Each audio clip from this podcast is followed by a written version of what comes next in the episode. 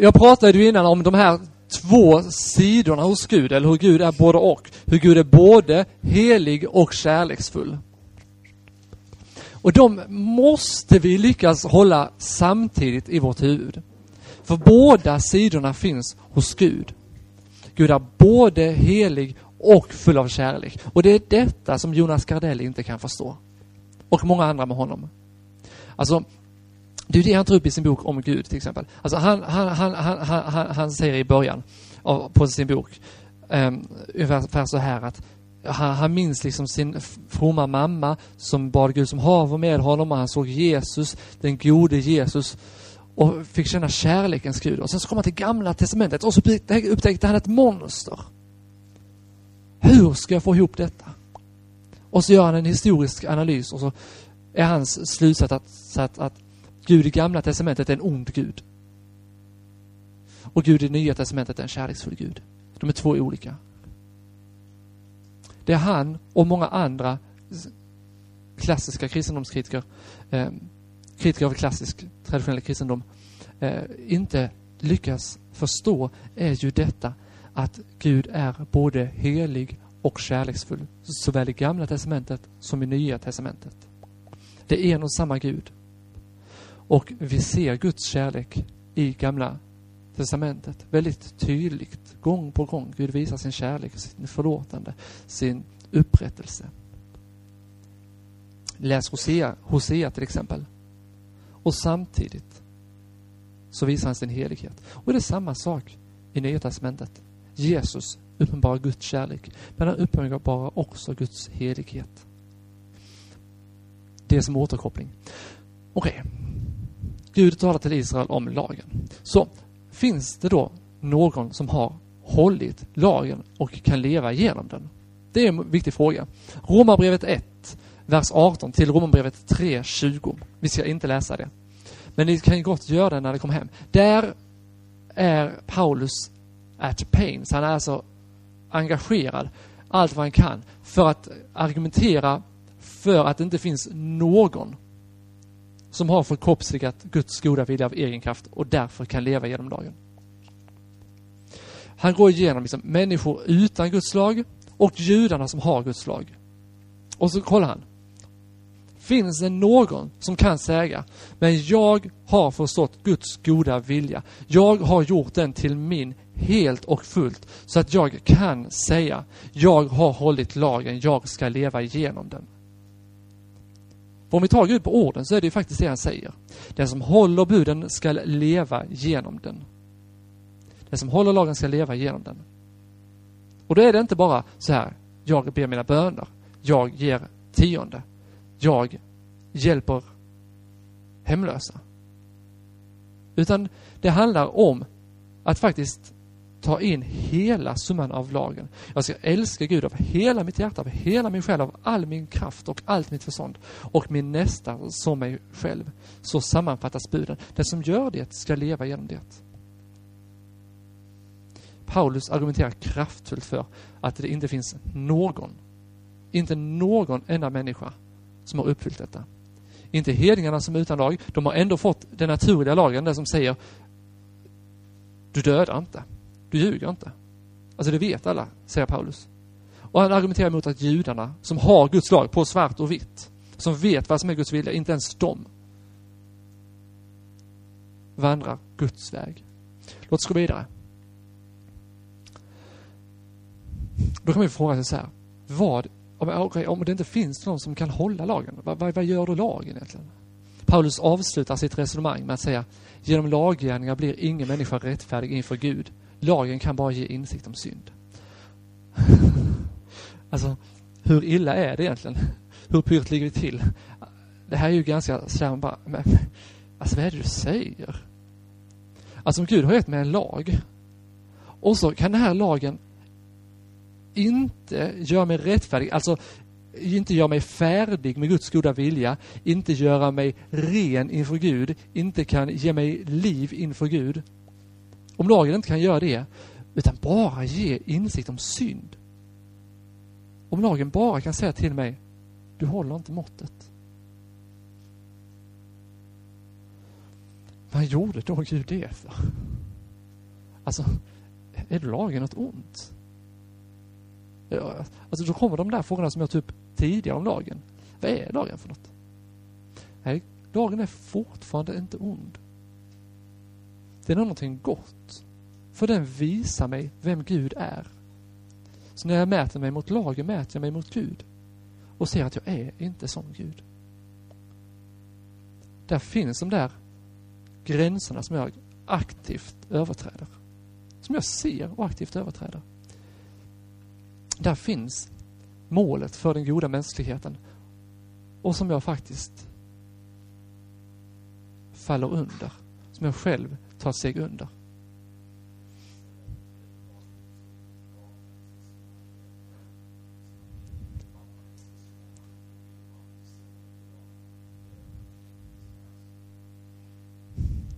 Eh,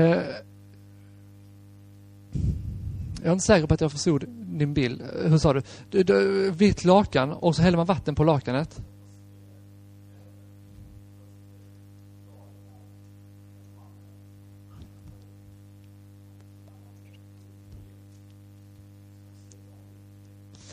Ja, så kanske du viss mening kan säga. Du får bara hålla i sär så att lagen kan inte på något sätt liksom eh, den kan inte smutsas ner. Alltså Guds, precis, utan Guds lag är ju helt och hållet god och ren. Men jag kan se när jag, när jag, när jag läser min bibel och ser det här är Guds godhet, det här är Guds kärlek, det här kallar han mig till. Och då ser jag, men vänta nu här, finns ju faktiskt en... Eh, det här är någonting mellan bild och verklighet som inte stämmer.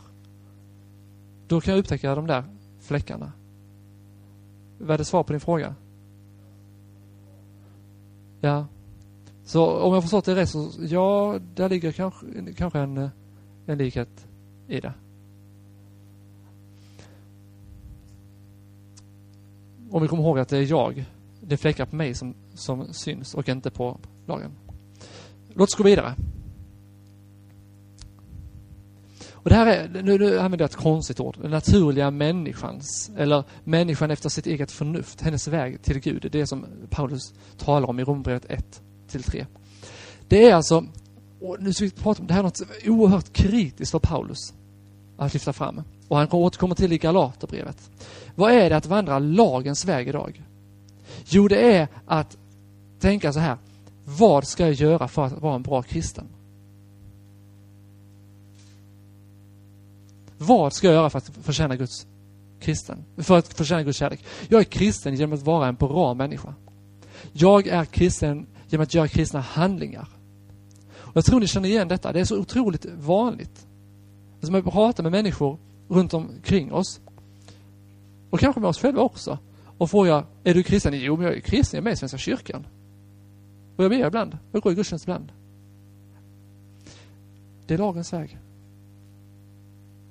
Om du tror att det är det som gör dig till kristen. Ja, men jag läser min bibel. Och jag försöker älska Gud. Då måste väl Gud tycka om mig? Du slirar på sanningen. För så snart jag börjar fråga mig, vad kan jag göra för att förtjäna Guds kärlek? Vad kan jag göra för att försona mina synder? Vad kan jag göra för att Gud ska ta emot mig? Då börjar jag vandra på lagens väg. Och vad säger lagen? Jo, den som håller lagen ska leva genom den. Men jag håller ju inte lagen. Att försöka vandra den vägen för att vara kristen, för att vara god kristen, rätt kristen, det är egentligen bara att skapa och upprätthålla en fiendskap gentemot Gud. Jag kommer återkomma till detta. Jag vet om att det inte är helt lätt att förstå vad jag säger. Att alltså vinna rättfärdighet, att vara färdig och fri genom lagen, är dömt att misslyckas. Alltså börjar ni också känna en viss hopplöshet? Alltså vad är detta? Vad är detta egentligen?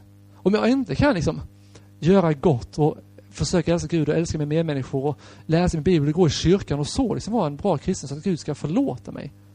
Alltså, om, om, om lagen som uttrycker Guds goda vilja och säger här, gör detta. Om den bara visar mig hur jag inte kan göra detta, alltså vad är det då? Bara, bara göra en anknytning. Det här är ju faktiskt eh, muslimernas väg, eller hur? Du ska, hålla, du ska vandra på de fem, stå på de fem pelarna. Intressant. Vad är det? Eh, fastan, allmosan, bönen, pilgrimsvandringen och bekännelsen. Är det De fem. Gör du det så kan du hoppas på Gud. Visst, visst är det så de skulle säga det? Bibeln säger du kommer inte lyckas med det. Faktiskt. Det en del, till viss del kanske det går bra. Men inte i dess djupaste mening. Låt oss gå vidare. Slutsatsen är alltså, vi är alldeles välförtjänt under Guds dom. Jag är alldeles välförtjänt under Guds vrede. Och Paulus han skriver, Guds vrede uppenbaras från himlen över all ogudaktighet och orättfärdighet hos människor, som i orättfärdighet undertrycker sanningen. Det man kan veta om Gud är uppenbart bland dem. Gud har uppenbart det för dem.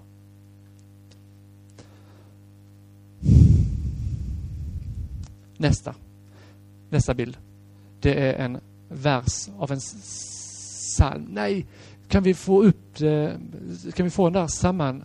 Nej, vi kanske har en sångbok här. Ehm, kan vi få ihop eh, den där, eh, gå tillbaka igen till nästa bild. Kan vi få upp dem där på en och samma rad? Det är en sångvers från Luther som sammanfattar det här, liksom, den här känslan och tillståndet. Jag under Satan fången låg och kunde mig ej hjälpa. Den synd som rådde i min håg, alltså i min själsliga inställning. Man säger komma ihåg. Jag kommer ihåg någonting. Det som, den synd som rådde i min håg, i grund mig ville skälpa. Min synd mig till förtvivlan drev. Har vi några Herren här? Finns det? Finns det några Herren här någonstans? Där. Tack.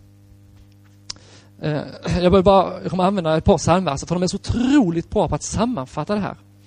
Ehm, den synd som rådde i min håg i grund mig ville skälpa. Min synd mig till förtvivlan drev, min samvetes dom orygglig blev och helvetet stod öppet.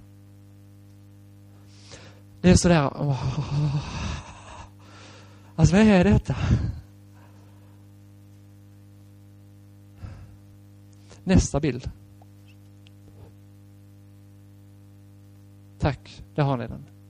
Den synd som rådde i min håriga grund mig ville skälpa. Min synd mig till förtvivlan drev, min samvetsdom orygglig blev och helvetet stod. Det är det som händer när lagen får lov att trycka på mig. När lagen får lov att bara trycka på mig och visa. När Gud får lov att visa för mig vem jag är utan Gud. Då är detta, käns då är detta den insikt jag ställs inför. Helvetet så öppet. Men nu har Gud uppenbart en rättfärdighet från, som inte beror av lagen, men som lagen och profeterna har vittnat om. En rättfärdighet från Gud genom tron på Jesus Kristus för alla de som tror. Notera. En rättfärdighet som inte beror av lagen. En rättfärdighet från Gud genom tron. Lagen och tron, det är två olika vägar. Och det kommer jag att återkomma till. Men låt oss för tillfället gå vidare. Alltså då är ju frågan så här, men måste Gud verkligen dö?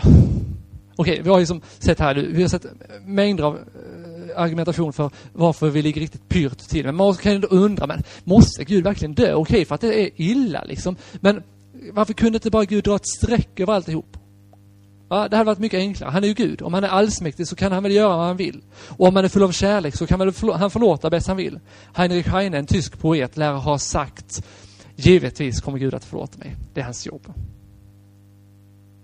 Jag vet inte om han var eh, eh, alldeles ärlig. Det sägs att han blev kristen. På, eh, att, han, att han blev kristen. Så kanske var han lite ironisk. Men likväl, jag tror vi kan känna igen det. Klart Gud kommer förlåta mig. Det är hans jobb. Låt oss gå vidare. Fast då har vi ändå liksom försökt, jag har ändå försökt bygga upp liksom här ett case för att det är ganska, det är ganska illa Alltså vi ligger, vi ligger faktiskt ganska pyrt till. synden drar Guds vrede med sig. Det läser vi om i Romarbrevet. Synden drar förbannelse över den som syndar. Det sa vi ju. Men förbannelse om du inte följer lagens väg. Och synden drar döden med sig. Syndens lön är döden, skriver Paulus i Romarbrevet 6. Och till Efesierna, ni var döda genom era överträdelser och synder. Alltså om det är mitt tillstånd, alltså att jag faktiskt är under vrede, under förbannelse och under död. Alltså då blir det lite svårare att säga lite sådär, ja, Gud kommer förlåta mig, det är hans jobb.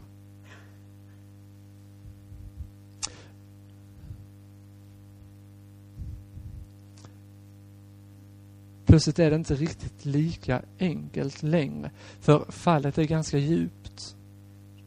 Då är det inte något man hanterar i en handvändning. Så låt oss gå vidare. Förlåtelse kräver blodsoffer, ska det så? Och då kan vi tänka på till exempel på den judiska påsken, Pesach, att gå förbi. Eller hur? Det var det Alve pratade om igår när dödsängeln gick, för, gick igenom Egypten och dö, eh, dödade allt förstfött, då var det enda som kunde rädda israeliterna, det var att man slaktade ett lamm och tog blodet och strök det på dörrposterna. Ett liv skulle ges för att ett liv skulle sparas.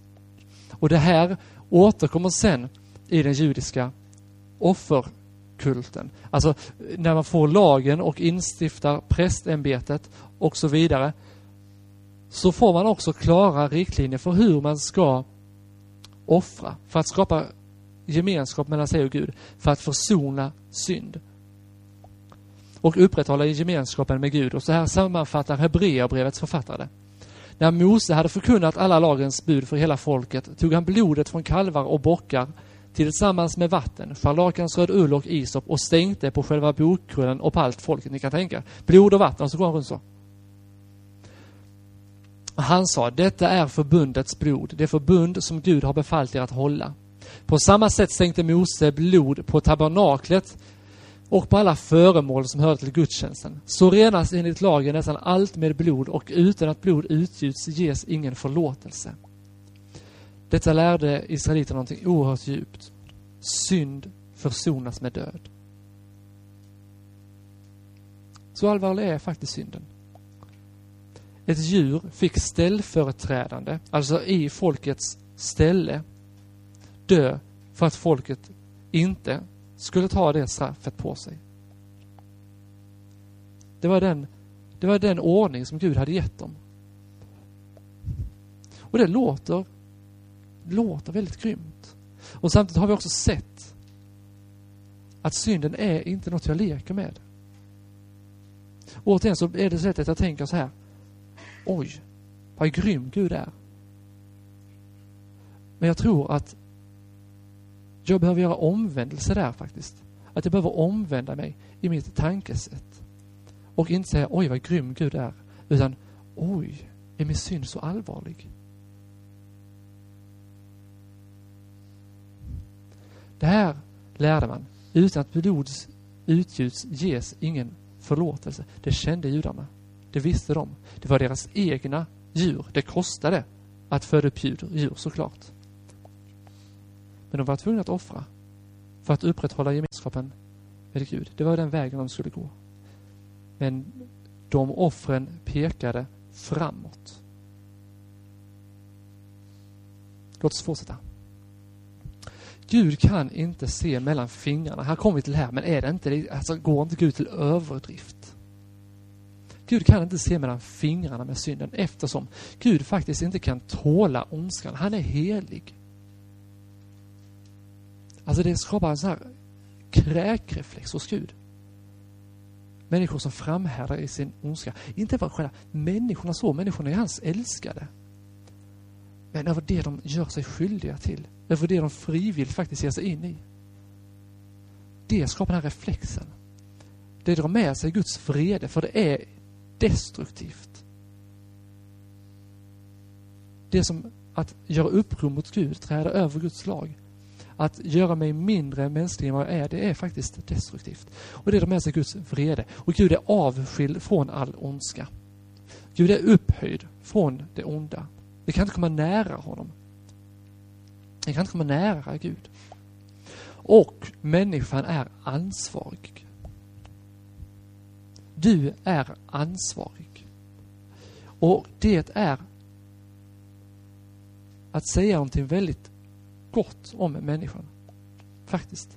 För om det är så att du är ansvarig för dina felsteg, då kan du också få förlåtelse. Då kan du också få upprättelse. Då kan du på det mellanmänskliga planet i hög utsträckning gottgöra. Då kan vi också säga att det här var inte rätt gjort. Det svarar inte mot vad du är som människa. Men att säga som man gör ganska ofta idag. Det är olyckliga omständigheter. Det är social, en social miljö som har skadat dig. Anders Breivik är, alltså, han är sjuk. Ja, alltså visst är det något som är helt klart sjukt i honom och samtidigt är han faktiskt ansvarig. Det är inte så att man bara kan ge honom vård. Det är klart att han ska vårdas också, men samtidigt han är ansvarig för det han har gjort. Det han har gjort är fel. Det är inte rätt. Det är inte bra. Det är inte bara sjukt, utan också rent fel. Och jag, han är ansvarig för det. Han kan inte skylla ifrån sig. Nu vet jag inte om han försöker det. Han, han är ju ganska stolt över det han gjort. Vilket talar tydligare om hur faktiskt det är något som är galet. Men han kan inte skylla ifrån sig på uppväxt till exempel. Eller på olika omständigheter. Eller, eh, eller att människor inte varit schysst mot honom eller vad det nu kan vara. Det går inte att skjuta ifrån sig bara på sådana saker. För han har ett ansvar för det han har gjort och det har också jag. Jag har ett ansvar för det jag gör. Och Gud kan inte förneka sig själv. Gud är helig. Gud är rättvis. Gud är alltings norm. Och man skulle säga, men låt oss dra ett streck över det. Alltså, Anders Breivik. Du hade en tuff uppväxt. Jag förstår det. Jag förstår att det var jobbigt för dig. Jag förstår det.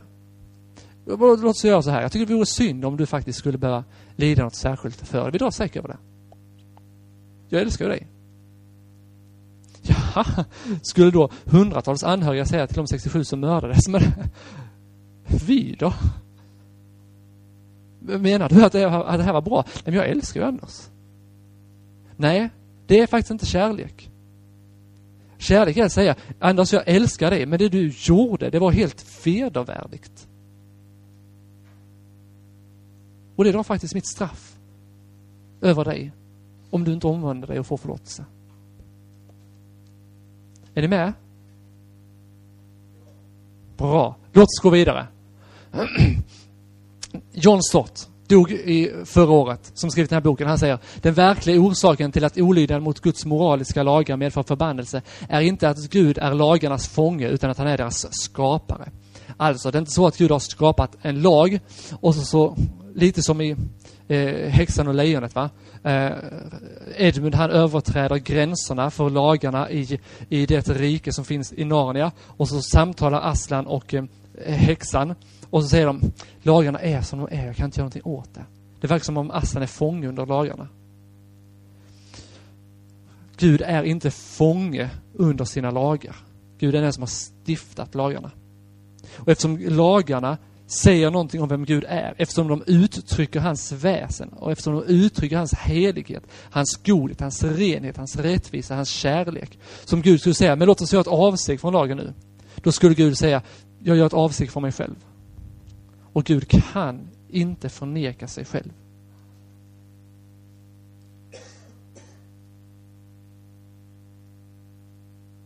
Gud är ärlig rakt igenom. Också när det innebär tuffa konsekvenser. Så min synd drar med sig Guds fredelse, Guds förbannelse, Guds straff, en evig död.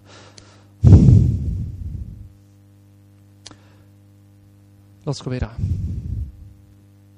Det här var svårt att se. Um, kan du göra svart, texten svart? Eller vit kanske? Var det vit? Var det bättre? Rosa var det. Sådär. Vi gör ett försök. Rosa, var det bättre? Ja. Så, ja, men det var bra. Tack för det. Tack för det. Så här va. Det, är, det var vårt tillstånd. Nu läser vi. Han var fraktad och övergiven av människor. En smärtornas man och förtrogen med lidande, lik en som man skyddar ansiktet för, så föraktad att vi räknade honom för intet. Men det var våra sjukdomar han bar. Våra smärtor tog han på sig. Medan vi höll honom för att vara hemsökt, slagen av Gud och pinad. Han var genomborrad för våra överträdelsers skull, slagen för våra missgärningars skull. Straffet var lagt på honom för att vi skulle få frid och genom hans sår är vi helade. Nästa. Ta bort den också, vi tar bort dem. Det är en vacker bild i alla fall. Vi gick alla vilse som får och gick sin egen väg, men all vår skuld lade Herren på honom. Han blev misshandlad, men han ödmjukade sig och öppnade inte sin mun. Lik ett lamm som förs bort till att slaktas, lik ett får som är tyst inför dem som klipper det, så öppnade han inte sin mun. Det här är en av tjänaresångerna i Jesaja, profeten Jesaja. Han levde på 700-talet före Kristus. Och han, inspirerad av den helige Ande, så ser han Jesus. Och han profeterar om honom. Och han talar om, jag nämnde innan hur eh, judarna offrade. De hade ett offer som fick bära deras synd i deras ställe. Här profeterar Jesaja om ett lamm som verkligen kommer bära folkets synder. Och vad sägs om detta lammet egentligen? Jag tror jag har en sammanfattning på nästa bild. Guds lamm bär mina synder. Guds lamm bär mina sjukdomar. Han bär alltså krupp, ebola, hiv, aids, cancer. Han bär mina smärtor. Han bär den ångest som sken, eh, som, som, eh, som lyste i ansiktet på de ungdomar som låg på marken och såg upp i Anders Breiviks ansikte. Den ångesten bar han. Den smärtan som människor kände i Dr. Mengeles tortyrkammare under andra världskriget, den bar han. Han bar också det straffet som kommer att drabba Josef Mengele om han inte omvänder sig. Eller han har det straffet. Han har det straffet som den synden bär med sig. Och han bär mina överträdelser. Det står ju, all vår skuld lade Herren på honom. All vår skuld lade på honom, lade Herren på honom. Och han väljer det frivilligt. Alltså jag har byggt ett ganska hårt case för, tycker jag, att vi ligger riktigt pyrt till Alltså som, som Luther skrev, mitt samvetes dom orygglig blev och helvetet stod öppen. Där ligger jag och bara ser Guds lag säger var helig och jag säger jag är inte helig. Det drar med sig Guds vrede. Jag lever inte enligt lagen. Alltså drar det förbannelse med mig. Det, så säger Gud, det är din dom, det är ditt straff, det är din förbannelse. Så den tar vi och så lägger vi på det här lammet.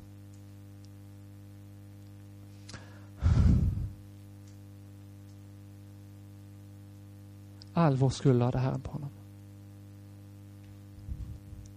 Den som inte visst av någon synd, honom har Gud i vårt ställe gjort till synd för att vi i honom skulle stå rättfärdiga inför Gud, säger Paulus om Jesus. Kristus friköpte oss från lagens förbannelse när han blev en förbannelse i vårt ställe, skriver Paulus till Galaterna. Ser ni nu hur Guds helighet och Guds kärlek verkligen går hand i hand? Vad gör Gud? Han stryker inte ett streck över synden. För det vore faktiskt att vara oärlig mot sig själv.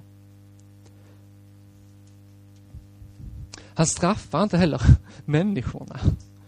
Åtminstone inte rakt av. Han, straffar inte, han lägger inte all straffet på människorna och låter det vara. För det skulle helt det skulle bara helt bryta med hans kärlek. Vad gör han? Jo, han gör i viss mening som Katniss Everdeen gör i början av Hungerspelen, om jag har sett eller läst den.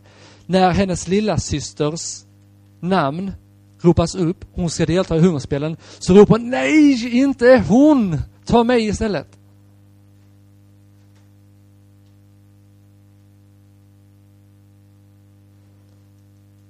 Vad Gud gör är att säga nej! Inte Pelle! Inte Daniel! Inte Mattias! Ta mig istället!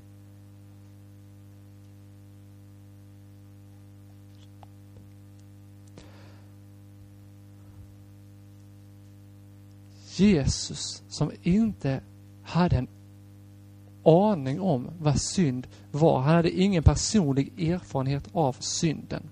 För han är fullt ut Gud. Han är helt och fullt Gud. Han vet inte vad synd är på det viset. Han valde att bli gjord till synd. All samlad ondska, all samlad förbannelse, all samlad vrede väljer han att bara ta i sin kropp. För att jag inte ska behöva ta den. Jesus är Guds lamm. Jag tror det kommer på nästa bild. Snart ska vi gå tillbaka än så länge.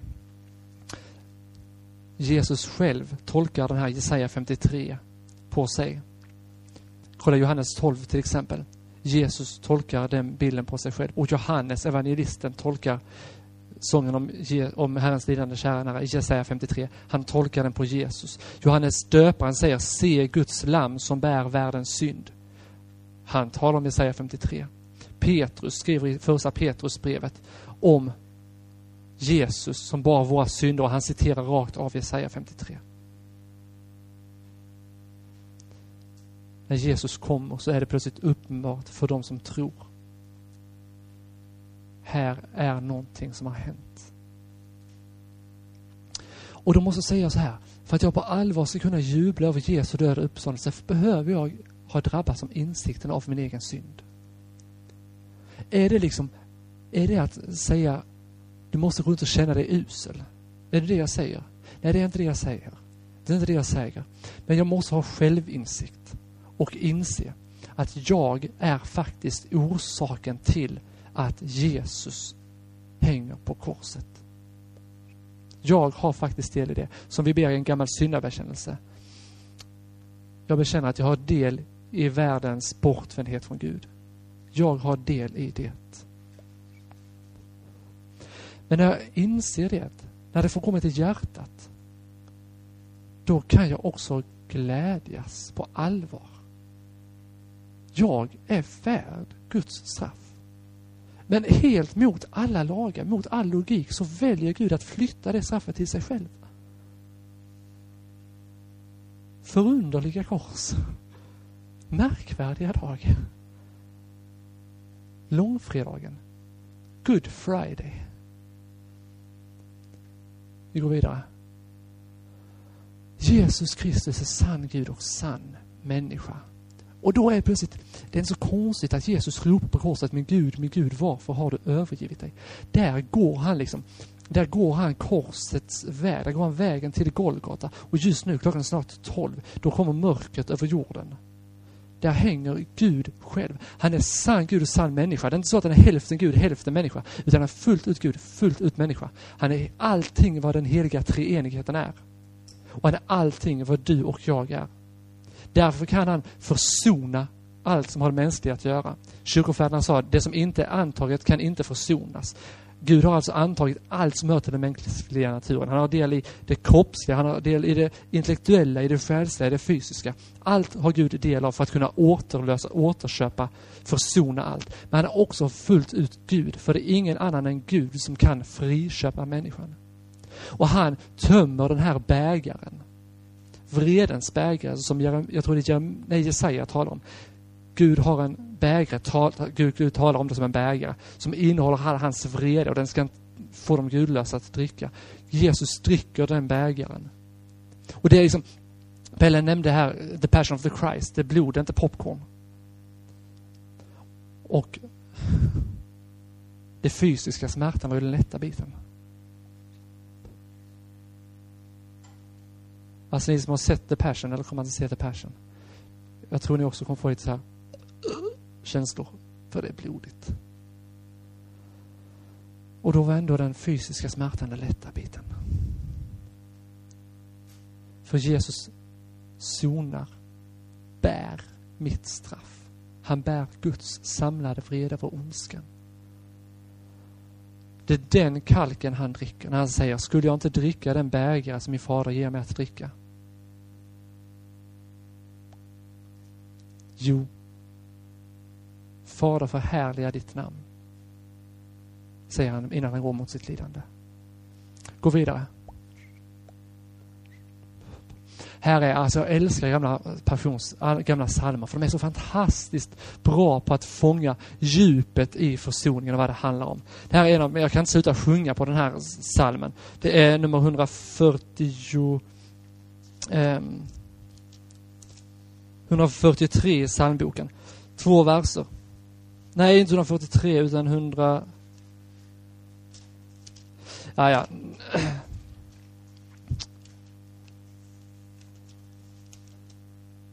Här 186. Du såg de hårda banden, de fasansfulla öden.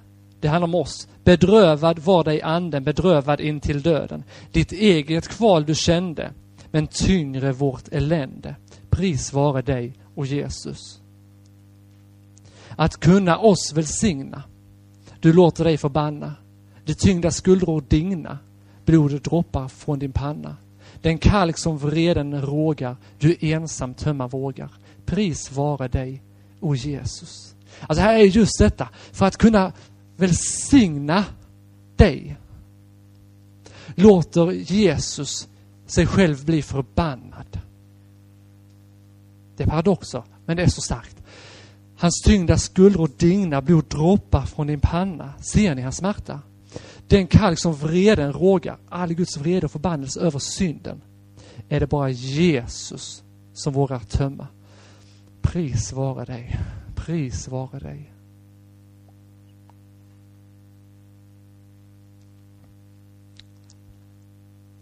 Så man måste ändå undra, så, är Gud ett moraliskt monster som gör så mot sin son?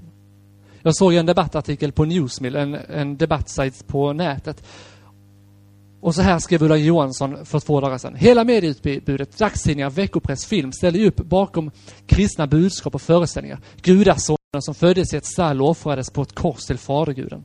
Sagorna understryks och illustreras med många ord och vackra eller skrämmande bilder. Alltså artikeln i sin helhet är så dålig så jag vet inte var jag ska börja. Men, men det här är ändå en, en invändning man, man skulle kunna höra. Vilken barbarisk Gud som offrar sin son så. Är det så? Nej, inte på något vis. Det finns ingen spricka inom den heliga treenigheten. Alltså vad hon gör är att hon säger den helige faderguden som offrar gudasonen. Alltså precis som om de skulle stå emot varandra. Nej, de står inte mot varandra. Gud var i Kristus och försonade världen med sig själv. Alltså det är hel, alltså Jesus är fullt ut Gud och vi tror på en Gud som uppenbarar sig i tre personer men i ett enda väsen. Fader, Son och Ande. Det här är, här är ett mysterium och en korsfästelse för tanken. Men likväl, men likväl, men man säger så. Um, Alltså allt vad Fadern gör, gör också Fadern och, gör också Sonen och Anden. Allt vad Anden gör, gör också Sonen och Fadern. De är tillsammans, de går inte att skilja på. Och samtidigt så är de Fader, Son och Ande. Men hela Gud är med i Kristus. Det är inte så att det bara är Sonen. Och Jesus går till sin död av egen fri vilja. Det är viktigt att påpeka. Jesus han framhäver det starkt i Johannes 10. Ingen tar mitt liv ifrån mig utan jag ger det av fri vilja. Jag har makt att ge det och jag har makt att ta det tillbaka. Det är inte så att Gud har sagt Kom igen, gör det, gör det. Jag, säger, ah, jag vill egentligen inte. Ja men kom igen, kom igen, kom igen. Jag ska ge dig en massa cred efteråt. Ja okej okay då. Alltså, så är det ju inte. Utan hela Gud är helt upptagen om detta. Min mänsklighet, mitt älskade barn, har sålt sig till slav under synden. Vad gör jag? Jag väljer att själv ta straffet. Och sonen väljer att ta det straffet. Jag kan inte förklara det närmare nu. Det är liksom, mina, mina ord räcker inte till, min tanke räcker inte fram. Det är ett mysterium. Och de som är visare än jag säger, dogmen ska inte förklaras, den ska tillbedjas. Och kanske är det så. En del saker kommer jag faktiskt inte ända fram till. Jag får be och tillbe Gud inför detta mysterium. Jag vill bara hålla det ifrån oss. Att det är inte så att Gud står i motsättning till vartannat. Gud är inte ett monster. Jesus väljer frivilligt att gå i detta. Och jag tror att det är faktiskt en sångvers till på nästa bild. Frivilligt Jesus i döden gick och släktets lön han uppbära fick. Vad han har lidit det slipper du och testamentet har kraften nu.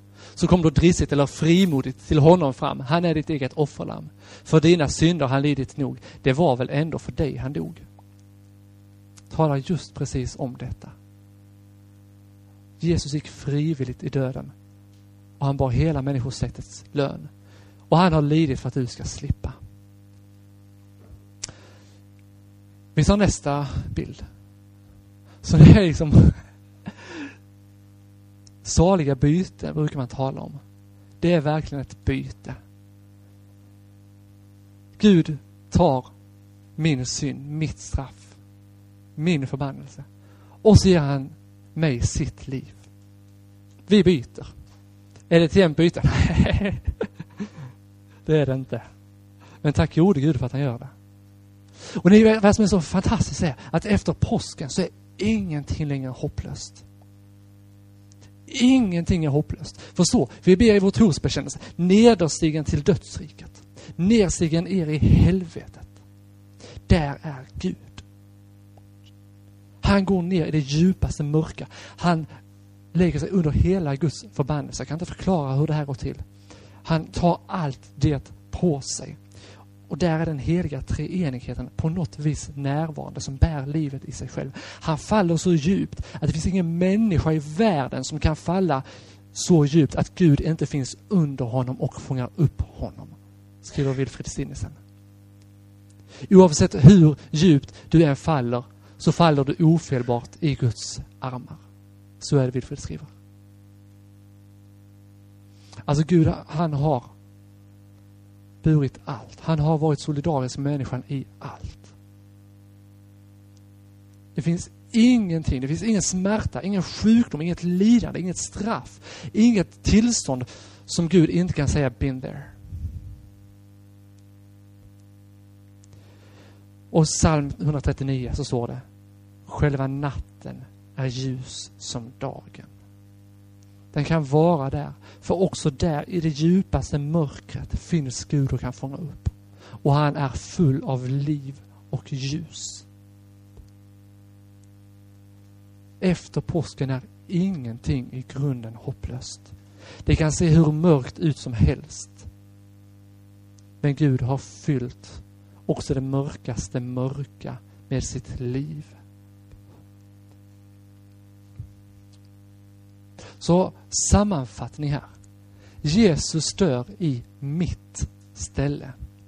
Han dör ställföreträdande i mitt ställe. Den död jag skulle ha, ha dött. Och han gör det av egen fri vilja. Jesus är Guds påsklamm som en gång för alla bär bort världens synder. Läs Hebreerbrevet 10 och författaren kommer all önskvärd tydlighet visa det. Därför så prästerna offrar gång på gång på gång för att försona folkets synder. Men Jesus är det slutgiltiga påskalammet. Folket var tvungna att bära fram ett offerlamm för sin synd. Gud får fram sig själv som försoningsoffer. Jesus är Guds lag förkroppsligad. Han är den som, han är ju Guds moraliska väsen. Han är ju Gud själv och kan till fullo friköpa de som står under lagens förbannelse. Det är det som händer idag. Det är det som händer idag. Och när han samtidigt gör det så vinner han också en härlig seger. Han kämpar ner Satan. Han går ut som krigare mot Satan och kämpar ner honom. Trampar ner honom.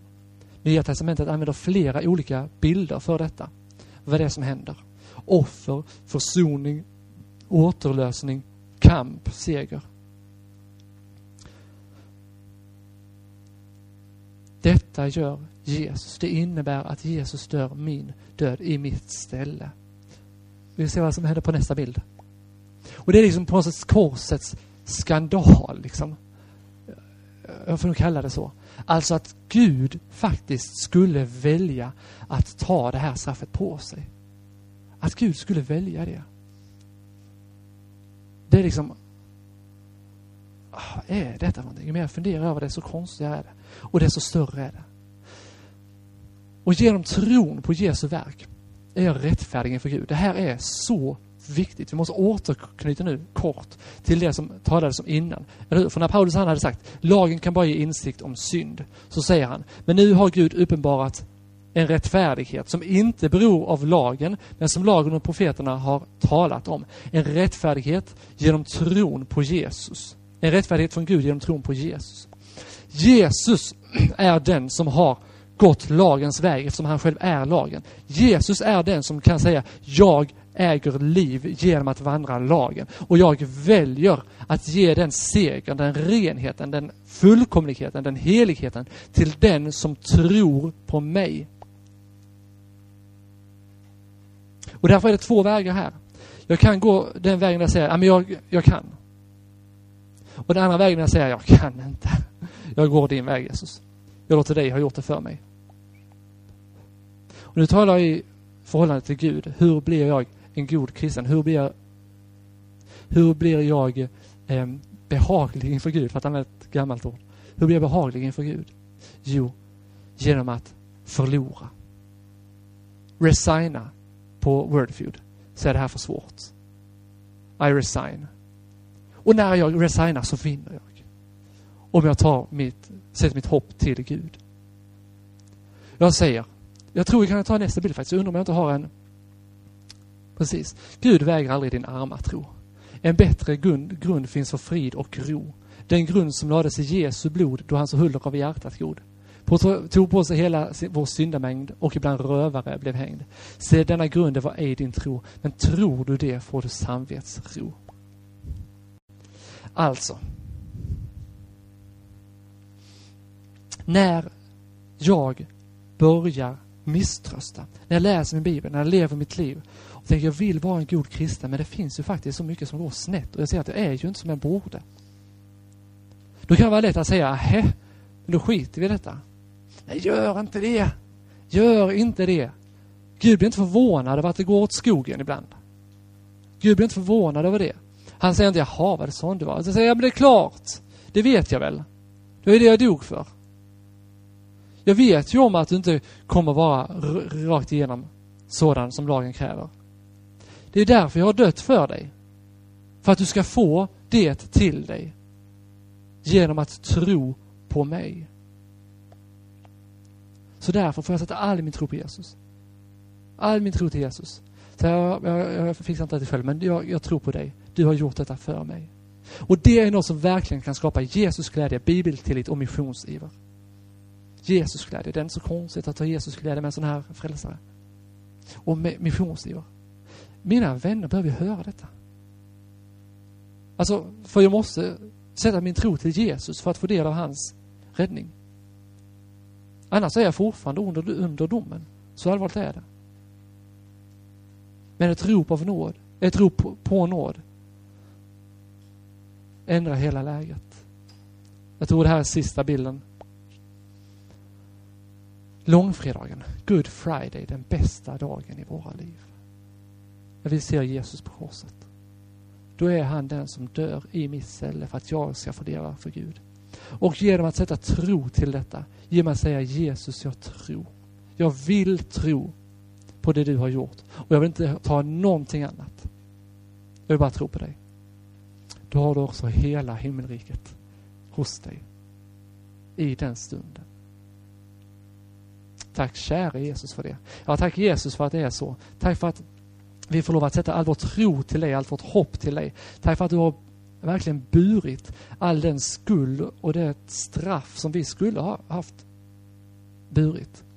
Tack Jesus för att du frivilligt väljer att gå i döden för oss. Tack för att du frivilligt väljer att bära straffet för min synd. Och tack för att du ger av ditt liv och din nåd till oss. Tack käre Jesus för det. Vi kan inte fatta detta. Men vi vill bara falla ner på knä för dig och tillbe dig och ära dig och hylla dig. Du är lammet som blev slaktat och du är värdig att ta emot ära och pris och tack och lovsång. Halleluja Jesus att du har tagit det för oss. Jag ber dig, kom i heliga Ande till oss alla och låt han bara falla till hjärtat på oss. Kom i heliga Ande och skapa tro och liv i oss.